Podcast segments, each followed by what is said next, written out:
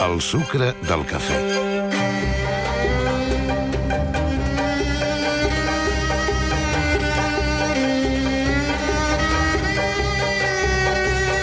Reconeguem-ho, ens hem deixat seduir per la fascinació que ens provoca el petit Nicolàs, aquest noiet espavilat de 20 anys que és a la boca de tertulians i a la ploma d'articulistes i que està marejant les altes instàncies de l'Estat.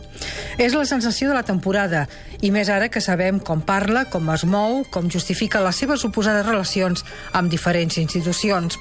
Les seves entrevistes dels últims dies han estat comentades per opinadors de tota mena, a les barres dels bars i als menjadors de les cases. El petit Nicolàs, o Fran, com ell prefereix que li diguin, té un discurs hàbil, explica amb sentit comú coses que no ho són i calla davant les preguntes més compromeses, apel·lant a la seva seguretat o a la de l'Estat. Potser no te l'acabes de creure, però penses que alguna cosa hi deu haver per haver aixecat tant de rebombori.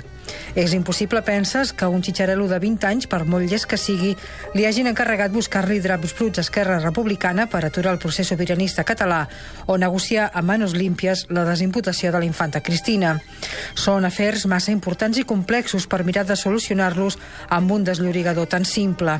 I tanmateix alguna cosa hi ha d'haver per construir una farsa tan enorme i que pugui resultar mínimament creïble. Si no, com és que va anar invitat a la proclamació de Felip VI? El petit Nicolàs ens presenta com un fabulador, un impostor, un farsant, però la seva història ens atrau i ens fascina precisament perquè sospitem que és mentida, però no del tot. D'aquí no res, segur que la veiem escrita en un llibre o narrada en una pel·lícula.